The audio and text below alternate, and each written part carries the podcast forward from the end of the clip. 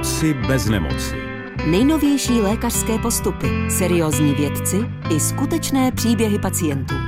Moci bez nemoci se Šárkou Volemanovou. Dobrý den. I dnes vítejte u pořadu, ve kterém budeme hledat naději na kvalitní život.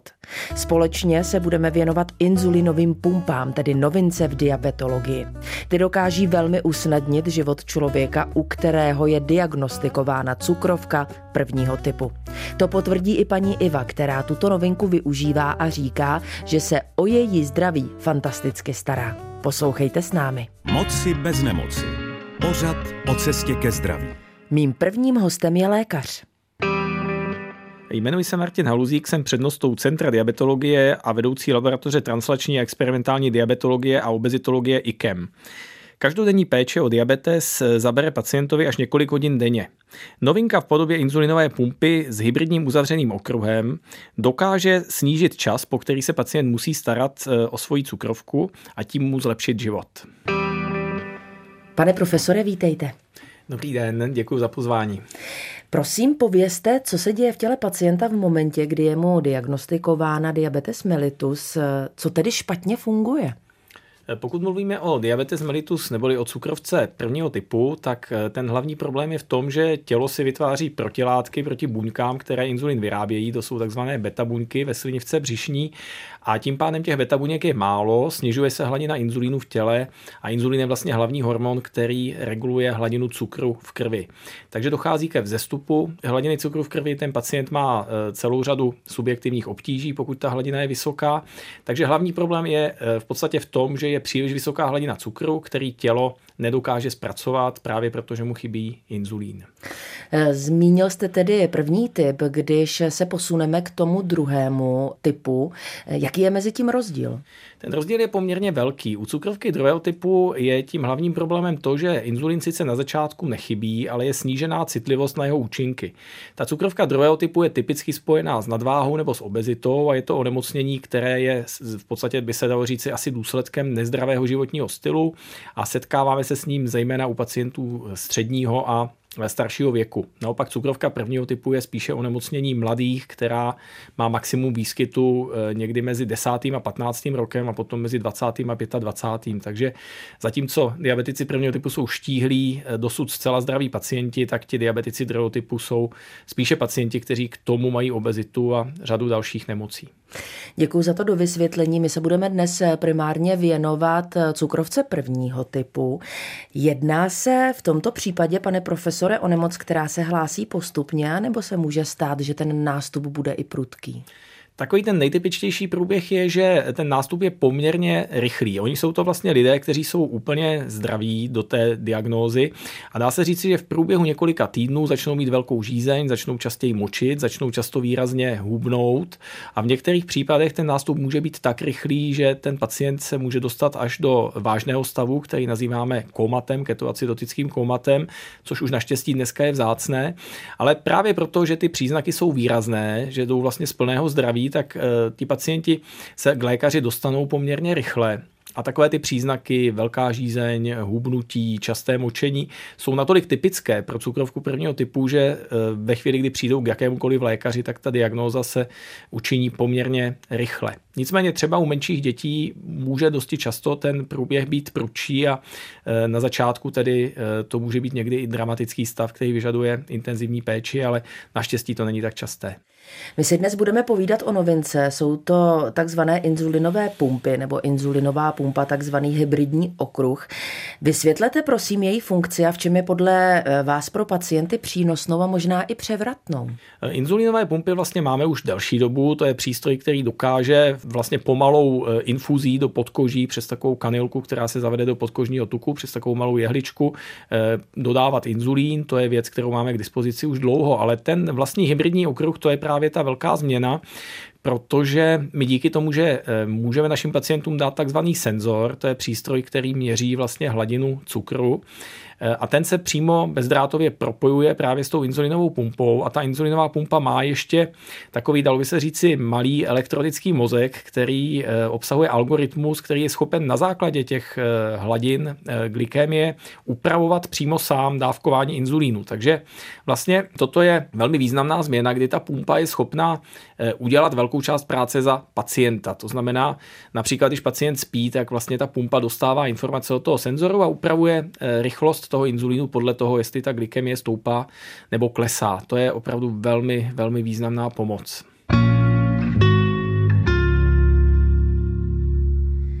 Za chvíli vám představím paní Ivu. Ta tuto novinku v léčbě diabetu prvního typu využívá. Ještě předtím si ale schrňme příznaky tohoto onemocnění. Patří mezi ně váhový úbytek, velká žízeň, zvýšený hlad, takzvaný vlčí hlad, časté močení a nezřídka se také projeví v podobě nějakého akutního stavu. Ten se vyznačuje vysokou hladinou cukru a ketolátek v krvi, projevuje se zvracením, bolestmi břicha až bezvědomím.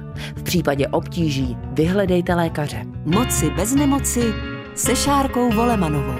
Na dvojce. Mým hostem ve studiu je Iva. Díky nové inzulínové pumpě cítím úlevu. Bez starosti se mohu proběhnout a vyčistit si hlavu bez strachu, co by se mohlo stát. Bez této technologie to bylo mnohem komplikovanější a za tuto pomoc jsem lékařům velmi vděčná.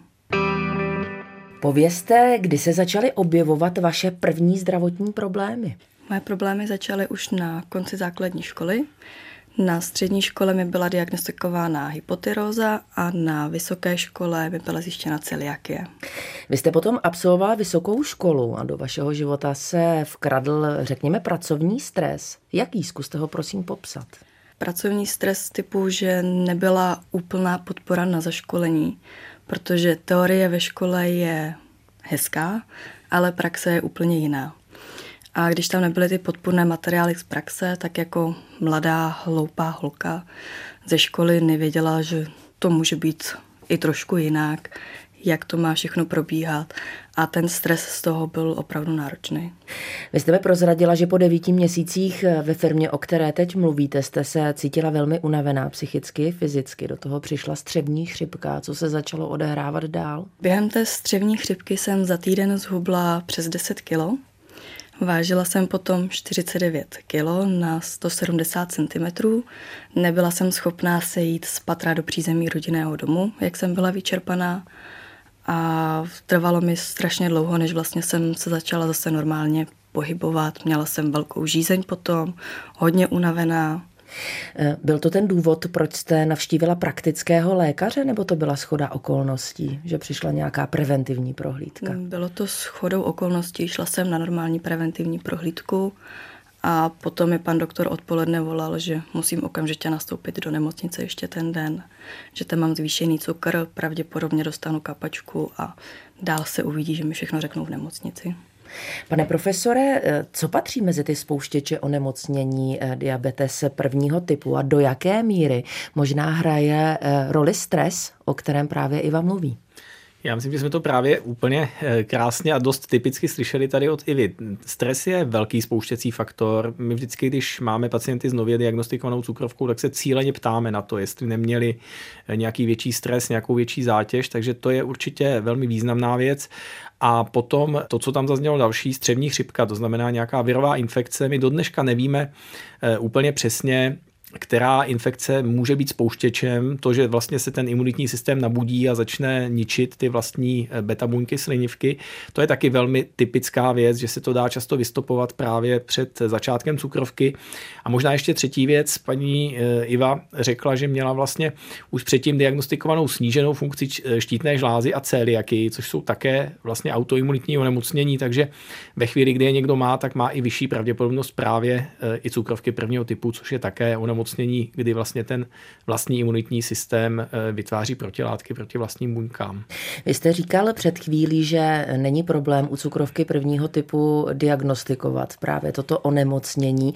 Uvedl jste příklady, ale nicméně pro představu našich posluchačů, jak taková diagnostika vypadá, co pacienta čeká? V případě cukrovky je to velmi jednoduché, protože pacienta vlastně čeká krevní odběr ze žíly a tím hlavním diagnostickým kritériem je hladina glykemie neboli tedy krevního cukru. Eh, takže vlastně ve chvíli, kdy ten pacient je po tom krevním odběru, tak během několika minut můžeme vědět, jakou má glykemii. Ještě rychlejší je odběr z prstu, kdy se pacient píchne do prstu a pomocí takzvaného glukometru se dá změřit ta hladina, to se dá udělat třeba právě u praktického lékaře. Nicméně, aby to měření bylo úplně přesné, tak je to vlastně ten odběr eh, z krve ze žíly. Iva říkala, že ji tehdy diagnostikovali cukrovku a že jí podrobnosti řeknou, až přijde do nemocnice. Co taková diagnóza pro pacienta znamená? Ta diagnóza pro pacienta na začátku znamená to, že eh, se musí smířit s tím, že má nějakou nemoc, která bude vyžadovat jeho pozornost celoživotní, že bude muset eh, se pokusit mít ten životní styl eh, takový trošku plánovanější a pravidelnější, ona to asi lépe řekne Iva potom ze svého pohledu. Čili znamená to, že prostě mám nějakou nemoc, která je, řekněme, obtěžující, ale na druhou stranu ta dobrá zpráva je, že my ji umíme velmi dobře léčit. Neumíme ji zatím bohužel úplně vyléčit, ale je to prostě tak, že já vždycky říkám svým pacientům, vy máte velkou výhodu, protože vy sem pravidelně chodíte, my vás velmi pečlivě sledujeme a když vy budete dělat ty věci správně, tak máte vlastně šanci že budete žít úplně normální život a úplně stejně dlouhý život jako e, lidé bez cukrovky. Samozřejmě ta diagnóza v první chvíli musí být pro každého pacienta těžká, protože těch věcí, které potom my po něm chceme, aby se naučil a dělal, je poměrně mnoho, ale myslím, že se na to dá dobře zvyknout a právě ty technologie, o kterých mluvíme, to dokáží velmi usnadnit. Ivo, povězte, jak jste přijala tu diagnózu, když vám řekli, že máte cukrovku. Co to pro vás znamenalo?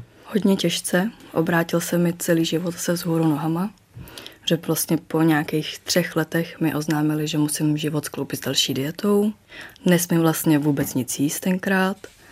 Nemůžu ovoce, přitom já jsem člověk, který má rád sladký, miluju ovoce, takže pro mě to byla velká zátěž. Jaké dávky inzulinu vám byly stanoveny? Jak na ně reagovalo tělo? Musela jste si tedy nějakým způsobem aplikovat inzulín, rozumím tomu správně. Ano, já jsem původně měla inzulínová pera. V nemocnici mi stanovili dávku 9 jednotek, bez ohledu na to, co s ním nebo nesním. A v té nemocnici mi inzulín vůbec nezabíral. Protože stres z té diety, stres v nemocnici přes velikonoce ještě, takže tam jsem měla furt cukr okolo 18. Pane profesore, jaké možnosti podpory při zatížení diabetus mellitus prvního typu současná medicína nabízí, když tedy nebudeme zmiňovat tu inzulinovou pumpu, která bude předmětem našeho dnešního zkoumání? Asi to nejvýznamnější, co je v posledních pěti letech nebo řekněme třech letech k dispozici vlastně pro všechny diabetiky prvního typu jsou senzory k měření glykemie. To je taková malá jehlička, která se zavede do podkoží, kterou pacient nosí obvykle 7 až 14 dní a e, která mu vlastně měří každé 3 až 5 minut e, hladinu cukru. A tím pádem vlastně ten pacient ví prakticky neustále, jak se ta jeho hladina cukru mění.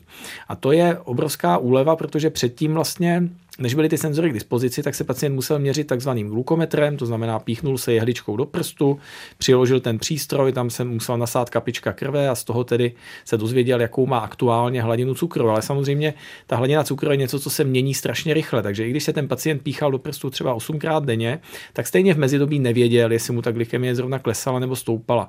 Takže to je obrovské ulehčení a my se vlastně snažíme těm nově diagnostikovaným pacientům eh, pokud možno nasadit tu léčbu i ambulantně, protože ta hospitalizace, když se to ještě spočítá nebo když se to skombinuje s tou diagnózou, kterou samozřejmě všichni eh, máme spojenou, řekněme, s tím, že to není úplně snadná nemoc, eh, tak si myslím, že to je ještě další stres pro pacienta. Takže my, pokud je to možné, pokud ten pacient není v těžkém stavu, tak se snažíme právě s použitím senzoru, s použitím toho, že já dám pacientovi svůj telefon, kdyby něco potřeboval.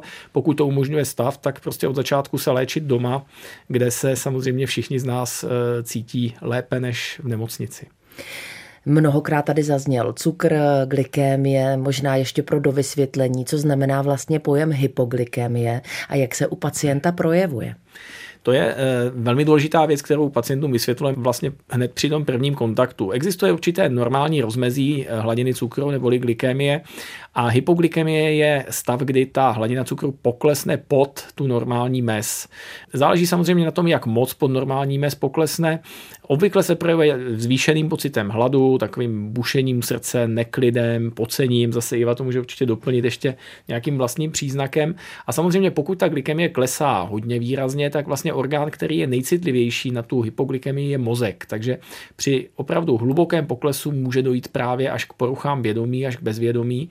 Takže je to stav, který chceme, aby naši pacienti pokud možno neměli vůbec, anebo ho měli co nejméně.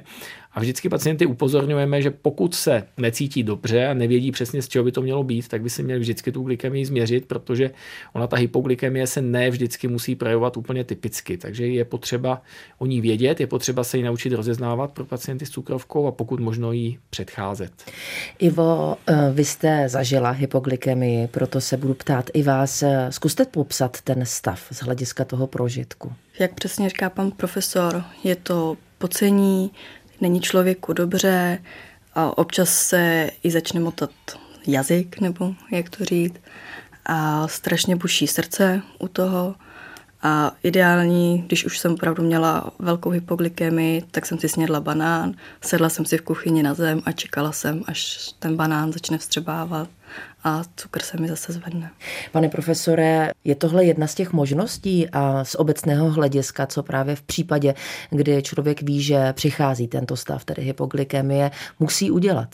V každém případě, a to je naprosto správně, musí člověk do sebe dostat nějakým způsobem cukry, které se co nejrychleji vstřebají. Banán je určitě výborná možnost protože to je zrovna ovoce, které obsahuje hodně toho cukru, ale vůbec nejrychlejší způsob je napít se sladkého nápoje, takže to, co obvykle říkáme všem, že není zdravé i nediabetikům, například Coca-Cola, to je výborný lék na hypoglykemii, jakákoliv slazená limonáda nebo takové v lékárně se dají koupit sladké gely nebo to, co si sportovci dávají třeba při dlouhodobém sportovním výkonu, takže cokoliv sladkého do úst a vlastně už v těch ústech se začne vstřebávat ten cukr. Takže ve chvíli, kdy mám ty příznaky, tak eh, možná i ještě dřív, než si tu glykemii změřím, pokud nemám možnost si ji změřit hned, nebo pokud se cítím opravdu špatně, tak určitě není chyba, když si pacient vezme preventivně nějaký cukr, napije se sladkého nápoje, džusu, koli. To je opravdu to, co musí udělat. A ta druhá věc, co říkala Iva, v tu chvíli prostě počkat, až to začne působit, protože on to nezačne působit úplně hned a člověk, když se necítí dobře, tak pak samozřejmě se mu může zatočit hlava, jak už tady zaznělo, takže opravdu je lepší počkat několik minut, eh, až se ta hladina zase zvýší a až člověk může aspoň trošku zase normálně fungovat.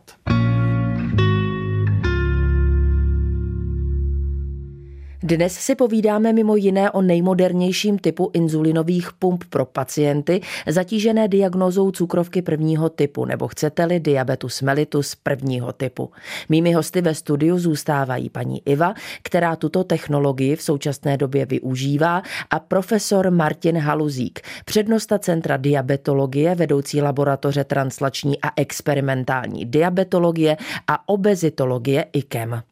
Ivo, jak jste na tom byla s tím říci či neříci o své nemoci? Komu ano a komu ne? Byla jste spíš typem člověka, který nechtěl, aby to někdo věděl? Ano, byla jsem spíš uzavřená, nechávala jsem si to pro sebe, věděla to jenom nejbližší rodina, nikdo další o tom nevěděl, krom ještě šéfa v práci, protože k tomu plynuly i nějaký úkony v práci, kdy jsem potřebovala volno, a větší hlídání a tak. Jak jste na tom byla zdravotně, kdy jste se seznámila se svým partnerem a kdy a jak jste mu tedy o své nemoci řekla, když to bylo takové vaše soukromé tajemství? Zdravotně už to bylo všechno dobře, protože už jsem cukrovku měla asi tři roky předtím. Celý ty tři roky vlastně jsem hodně sportovala, takže inzulín jsem si píchala minimálně, ale řekla jsem mu to hnedka na začátku aby věděl, do čeho jde. Co vám na to řekl, jaký měl přístup k vaší nemoci? Hlídal vás? Hlídal mě, kdykoliv jsme šli ven, tak si bral ovoce sebou, co kdyby náhodou jsem na procházce dostala hypoglykémii, protože to jsem ještě pumpu neměla tenkrát. A přístup byl, že má vlastně kamaráda, který má cukrovku taky, takže to pro něj není nic zásadního a neobvyklého. Nebude to o něm bez něj, protože váš partner Krištof je společně s námi právě teď ve spojení. Krištofe, vítejte u nás v pořadu Moci bez nemoci. Dobrý den. A prosím, povězte, jak jste vy sám zpočátku vnímal onemocnění vaší partnerky a bylo podle vašeho názoru důležité anebo úlevné, jak jsem zmínila, že třeba přestala tu nemoc tajit, že vám to zkrátka řekla? Já jsem v tu dobu vlastně měl nejlepšího vlastně kámoše, s kterým jsme se znali asi 10 let a který měl vlastně tu jakoby cukrovku od svých asi pěti let, takže já jsem ten vlastně jakoby proces jakoby znal vlastně celý, takže já jsem, já jsem neviděl nic jako divného, vážného nebo tak. V jakém zdravotním stavu byla, když jste se seznámili a jak se ten její zdravotní stav vyvíjel i v souvislosti ať už s preparáty, eh, s léčbou nebo teď s tou pumpou, jak to sledujete vy? Z mého pohledu to je, to je vlastně takový jako pořád vlastně stejný, jo. Ona se s tím vlastně pere velice dobře, myslím si, že vlastně ať má vlastně jakoby krutce cokoliv, tak jí to s tím jde. Krištofe, Iva tady řekla, že vy jste byl vždycky takovou tou záchranou, kdo nosil plné kapsy věcí, kdyby náhodou. Děláte to dodnes? Určitě. Já děkuji za to spojení a za povídání s vámi a samozřejmě přeju vám hodně zdraví. Taky, taky, díky. Ivo, vy využíváte novinku, kterou jsme zmínili, a to v podobě inzulinové pumpy. Co se ve vašem životě změnilo a jak její užívání a využívání vypadá? Změnilo se úplně všechno s pumpou, protože vlastně ten inzulín se mi dodává postupně na rozdíl od těch per, kdy se to vlastně vpravilo na celou noc a byly tam časté hypoglykemie. Teďko pumpa ten inzulín prostě zastaví, když vyhodnotí, že bych měla jít do hypoglykemie.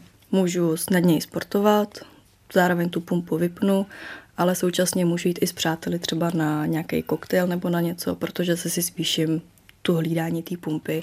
Takže když tam bude džus v tom koktejlu, tak ta pumpa vlastně všechno obstará za mě postupně. Mm-hmm. Pane profesore, co pro pacienta znamená to, že vlastně dostane inzulinovou pumpu? Jak to funguje? To mi dáte domů? Jak ten přístroj vypadá? Eh, jak si to tam vlastně všechno nastavím, aby to fungovalo a hlídalo mi to všechny ty hodnoty, které právě tady Iva zmínila? Pojďme to popsat. Inzulinová pumpa je přístroj, který není příliš velký. Je to vlastně, když si představíme eh, úplně malinkatý mobilní telefon, tak ještě o něco menší, takže je to něco, co se snadno vejde eh, do kapsy.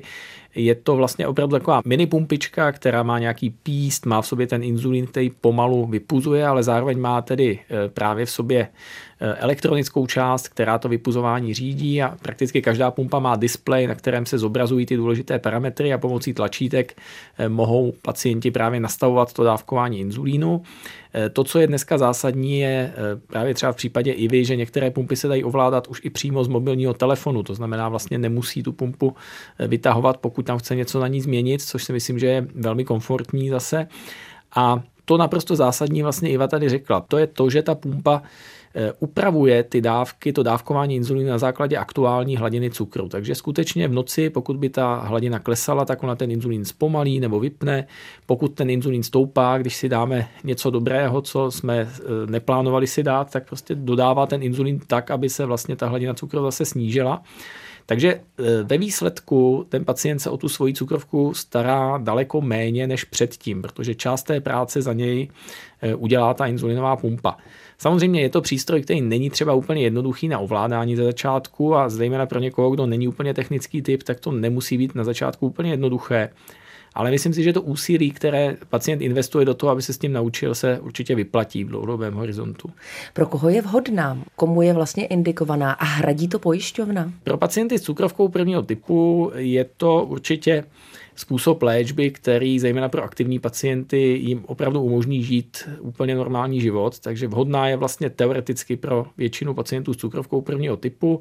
Pojišťovna to hradí zcela, takže v České republice to musím, jak si někdy trošku stěžuji na zdravotní pojišťovny, tak pokud je o úhradu eh, senzorů a pump u diabetiků prvního typu, tak tady jsme na tom opravdu velmi dobře. Je to vlastně tak, že hrazeno by mělo být všechno, jen výjimečně si pacient něco doplácí. Jinak i u některých diabetiků druhého typu můžeme použít inzulinovou pumpu, ale tam to obvykle není eh, tak často potřeba, takže skutečně jde hlavně o pacienty s cukrovkou prvního typu. Tu inzulinovou pumpu, tak eh, jak jste to popsal, promiňte mi ten můj laický pohled, eh, vnímám pořád jako nějaký přístroj. Znamená to, že když pacient jde k vám na kontroly, tak se kontroluje i ten přístroj a je to vlastně takový, řekněme, celoživotní společník? Je to určitě celoživotní společník a je to přístroj, který je nesmírně spolehlivý. Není to tak, že by samozřejmě nemohlo mít nějakou poruchu, ale eh, ty pumpy mají nastavené velké množství různých alarmů, které se spustí ve chvíli, kdy něco není v pořádku a upozorní toho pacienta, že něco není v pořádku. Eh, všichni pacienti s inzulinovou pumpou, samozřejmě kromě toho, že mají pumpu, tak by měli mít také doma nebo u sebe stříkačku s inzulínem v případě, že by tam došlo k poruše té pumpy, tak aby si mohli ten inzulín podat zase klasicky eh, pomocí injekcí. A my dneska vlastně nekontrolujeme fyzicky ten přístroj, pokud nehlásí žádný problém, tak maximálně se podíváme, kde ho pacienti nosí a pokud nějaký problém je, tak se na ní podíváme také, ale je to spíše tak, že vlastně dneska už se dá ta pumpa, všechny výsledky, všechno nastavení stáhnout do počítače, takže právě my už máme tu výhodu, že když jsou pacienti tak šikovní jako Iva, tak vlastně ve chvíli, kdy přijde na kontrolu, tak už předtím stáhla doma tu pumpu. Já si jenom otevřu v počítači ty výsledky, vlastně všechno to nastavení a na základě toho, včetně toho, že tam vidím ten senzor, jak se měnila ta glykemie, kolik bylo hypoglykemii, takže ono už se to vlastně všechno teoreticky dá udělat eh, téměř i vzdáleně. Když není žádný problém a já vidím ty výsledky, tak když si s Ivou zatelefonujeme, tak mnoho těch věcí dokážeme probrat i takto. Ivo, vy jste řekla, že inzulinová pumpa vám změnila život, že se všechno vrátilo k normálu. Chcete v tuto chvíli něco říct panu profesorovi, tak určitě udělal velký zásah do vašeho života. Chcete třeba něco vzkázat všem těm, kteří stejnou diagnózu mají? Určitě panu profesorovi strašně moc děkuji za péči, kterou mi věnuje za možnost mít pumpu, která je vlastně diskrétní, nemusím ji nikde vytahovat, všechno si vlastně ovládám v tom telefonu a všem pacientům ať nevěší hlavu. Je to jenom malinko komplikovanější život, ale žít se s tím dá krásně. Ivo, já vám děkuji za návštěvu dnes u nás v pořadu Moci bez nemoci, za to povídání, za váš příběh a samozřejmě hodně zdraví. Děkuji moc. Pozvání.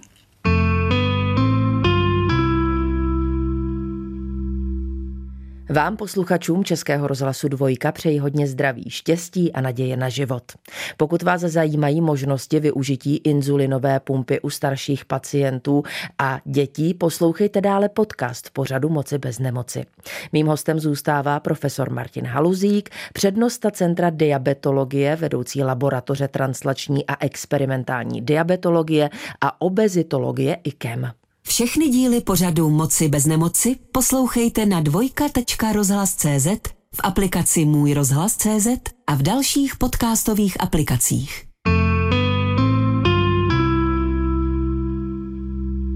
Mým hostem ve studiu je profesor Martin Haluzík, diabetolog a obezitolog. Pane profesore, pojďme se zaměřit na využití těchto inzulinových pump v hybridním uzavřeném okruhu, o kterém dnes hovoříme, u dětských, tedy pediatrických pacientů. Je i pro ně vhodná a za jakých podmínek? Eh, já musím podotknout, že nejsem pediatr, my vlastně léčíme pacienty až od 18 let, nicméně eh, pumpa je určitě vhodná i pro pediatrické pacienty. Eh, většinou se nasazuje, pokud se nemýlím, od věku 5 až 6 let a je to, je pro ně vlastně ty výhody, které jsem zmiňoval tady v souvislosti s Ivou, tak jsou vlastně stejné a naopak eh, řekl bych, že umožňují daleko lepší kontrolu, to znamená ti rodiče, kteří mají děti s diabetem, pochopitelně mají starost, aby neměli tu hypoglykemii, aby nebyl nějaký problém.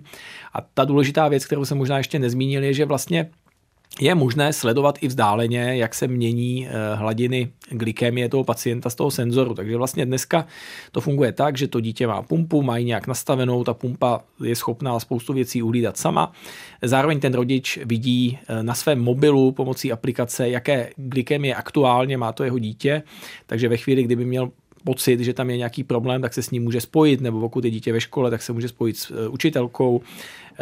Takže je to za prvé eh, velké usnadnění. My víme, že ty pumpy nejenom, že eh, vlastně jsou pohodlnější pro pacienta, ale oni i vlastně zvyšují ten čas, kdy ten pacient má normální glykemii, snižují riziko právě té hypoglykemie a usnadňují život. Samozřejmě eh, pro ty menší děti je to trošku složitější v tom, že musí si zvyknout na to, že tu pumpu mají, musí mít zavedený ten senzor, musí mít vlastně zavedenou tu kanilu od pumpy, takže mají v sobě ty dva vpichy, ale na druhou stranu nemusí se píchat potom častěji, ta kanila se mění jednou za tři dny, zatímco když by si podávali ten inzulin injekčně, tak si musí dát čtyři injekce za den, takže i ty děti, a já myslím, že všichni víme asi od svých dětí, že to je tak, že oni si s takovými různými hračkami elektronickými naučí se s nimi zacházet daleko rychleji než my, takže oni většinou po několika dnech jsou úplně v pohodě a ovládají to všechno a naopak přijdou na věci, které třeba ani já jsem nezjistil, že ta pumpa umí, takže tam to jde, myslím, velmi snadno potom. Že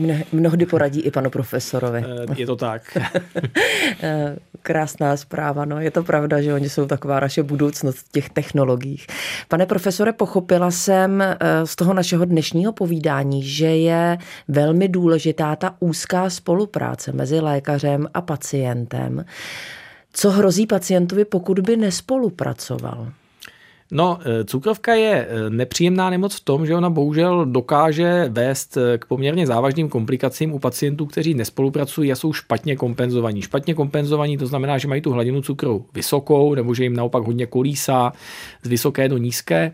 A pak hrozí právě ty dlouhodobé komplikace cukrovky, což je vlastně jednak zvýšené riziko aterosklerózy a takových onemocnění, jako je srdeční infarkt, cévní mozkové příhody a podobně. A potom takzvané mikrovaskulární komplikace, poškození těch menších eh, tepen a cév, což, jsou, což je například poškození zraku, poškození ledvin a Bohužel, pokud ten pacient opravdu nedodržuje to, co má, tak prostě k těmto komplikacím může dojít a eh, ty komplikace mohou vést ke skutečně závažným následkům. Musím se zeptat samozřejmě i na tu druhou stránku, byť eh, inzulinová pumpa, o které dnes hovoříme, je určitě velkým přínosem, ale mají tyto pumpy i nějaké limity a jestliže ano, tak jaké? No já bych řekl, že zaprvé eh, jedním z limitů je nějaká schopnost pacienta eh, zacházet s takovýmto přístrojem, která může být limitovaná jednak tím, že někdo opravdu není technický typ a může ho to obtěžovat, eh, částečně také inteligencí pacienta, i když ty pumpy jsou dělané tak, že skutečně většina lidí to je schopná zvládnout. Samozřejmě i ta pumpa vyžaduje od pacienta určitou eh, péči a spolupráci. Teď nemyslím ta vlastní pumpa, mm-hmm. že by ji musel leštit nebo něco takového, ale eh, spíše to, že musí třeba pravidelně přepichovat tu kanilu. To znamená, to je ta jehla, která je zavedená v podkoží. Pokud to pacient pravidelně nedělá a nepřepich, nepřepichuje si ji alespoň jednou za tři dny, tak ten inzulin začne potom působit hůř.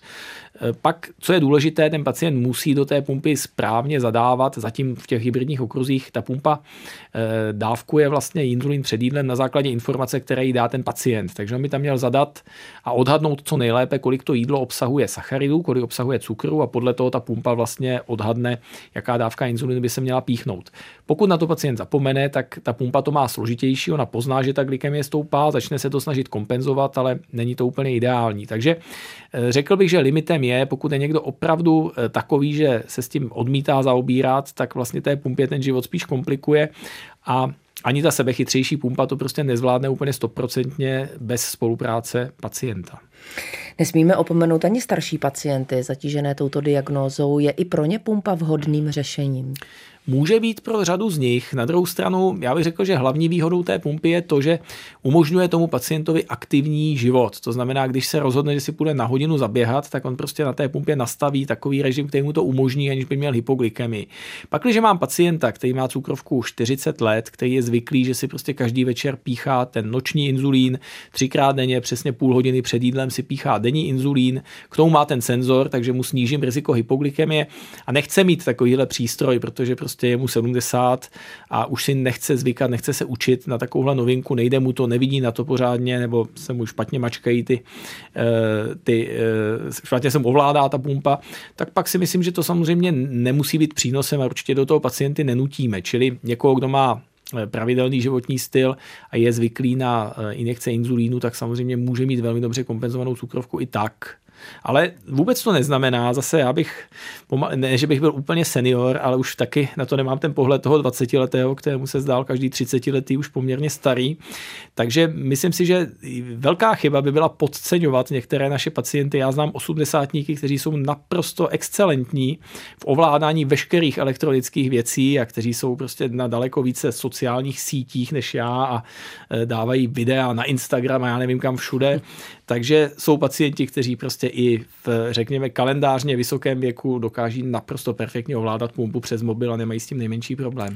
Pane profesore, vy jste před chviličkou ještě zmínil ten pojem hypoglykemie, který jsme e, zmiňovali v našem povídání také, ale povězte je narůstající riziko hypoglykemie právě v souvislosti s věkem? Eh, dá se říci, že to riziko je spíše v tom, že čím je člověk starší, tím hůře eh, tu hypoglykemii vnímá. Má trošku mm-hmm. snížené to vnímání hypoglykemie. Takže zatímco mladý člověk eh, už třeba při poklesu glykemie, tam ta hladina je 4 mmol na litr, kdy ještě normální 3,9 už bereme jako takovou opravdu tu dolní hranici a cokoliv je nižšího už je hypoglykemie. Takže mladý člověk ji začne vnímat už právě od téhle hladiny, ale Někdo, kdo je starší, tak ji třeba vnímá až při hladině 3. A ten problém je v tom, že ve chvíli, kdy ta glykemie klesá, tak třeba nemusí stačit tak eh, rychle zareagovat, pokud ji vnímá později. Takže eh, v tomhle je to riziko hypoglykemie vyšší a my u starších pacientů s cukrovkou se dosti často třeba ani nesnažíme o tak perfektní kompenzaci, nesnažíme se je za každou cenu dostat do, těch, do toho normálního rozmezí, ale eh, prioritou je bezpečnost. To znamená, abychom opravdu předešli těm hypoglykemiím, aby to riziko bylo co nejnižší v tom starším věku. Když udělám ještě jeden úkrok, eh, jaké je využití těch novinkových pump u pacientů hospitalizovaných, a to třeba s infekcí a někdy možná už eh, se sepsí? To je naprosto skvělá otázka, protože já bych řekl, že místo, kde paradoxně pacienti jsou skoro nejhůře kompenzovaní, je v nemocnici. Protože přece jenom jsou tam mimo e, své obvyklé prostředí, jídlo je tam jiné, mají právě většinou nějakou nemoc, která je tam dostala, jako je ta infekce. Takže tam je to složité a já si myslím, že budoucnost právě využití buď inzulinových pump, anebo nějakých právě algoritmů, které umožňují dávkování inzulínu v nemocnici, je, řekl bych, velmi e, světlá. Je to velmi zajímavá možnost podkast. A nejenom tedy na klasických odděleních, ale také třeba hlavně na jednotkách intenzivní péče, kde si myslím, že právě kombinace zase toho senzoru, který umožní, že víme vlastně, jak ta glykemie vypadá úplně eh, vlastně 24 hodin denně, s nějakým algoritmem může být velmi výhodná. Nejsem si úplně jistý, jestli to budou klasické inzulinové pumpy, ale může to být třeba kombinace podávání inzulínu do žíly s tím, že je tam ten senzor a algoritmus. My například u nás na oddělení chceme postupně, ono to také stojí nějaké peníze, není to úplně jednoduché, ale chceme, aby všichni naši pacienti, kteří jsou hospitalizovaní, měli ten senzor a abychom tedy měli vlastně celou dobu informace o tom, jak se jim ta glykemie mění a předešli tomu, aby při hospitalizaci neměli hypoglykemii. Ale to je spíš takový, řekl bych, futuristický pohled, protože ty senzory bohužel nejsou úplně levné a není úplně snadné je pro všechny pacienty zajistit, ale věříme, že bychom to mohli u nás eh, na Centru diabetologie pilotně dokázat a ukázat, že to opravdu eh, prospívá těm pacientům a že to stojí za to tak to dělat. Poslední otázka bude prevence. Co můžeme udělat sami pro sebe, eh, pro svoje tělo, nějakou prevenci cukrovky, ať už prvního nebo druhého typu? Prevence cukrov, cukrovky druhého typu je paradoxně jednodušší, protože když budeme štíhlí, eh, nepřibereme a nemáme rodinnou anamnézu, nemáme ty geny pro cukrovku druhého typu, tak ji můžeme předejít poměrně dobře. S cukrovkou prvního typu je to složitější, protože to je nemoc, kde ta dědičnost je podstatně komplikovanější a dá se říct, že to riziko, že ji zdědíme, není tak velké, ale prostě to riziko, že se u nás kombinuje nějaký stres s nějakou virovou infekcí a s tím, že máme třeba eh, trošičku vlohy k tomu, že ten náš autoimunitní systém se začne chovat tedy nerozumně, eh, to nedokážeme úplně ovlivnit. Takže samozřejmě nejlepší prevence jako všech ostatních nemocí je eh, pokud možno se příliš nestresovat, žít, žít, žít zdravě, dostatečně dlouho spát, a prostě snažit se na ten život dívat optimisticky. Já myslím, že tady jsme to právě krásně slyšeli od Ivy, že se to všechno dá i s těmi nemocemi tak to dělat a pokud se k tomu postavíme takto, tak si myslím, že mnoha nemocím opravdu dokážeme předejít. Pane profesore, děkuji za návštěvu dnes u nás v pořadu Moci bez nemoci, za to příjemné a určitě důležité povídání a samozřejmě i k vám přání hodně zdraví. Děkuji mnohokrát za pozvání a za skvěle připravené otázky. Bylo mi potěšením. Děkuji.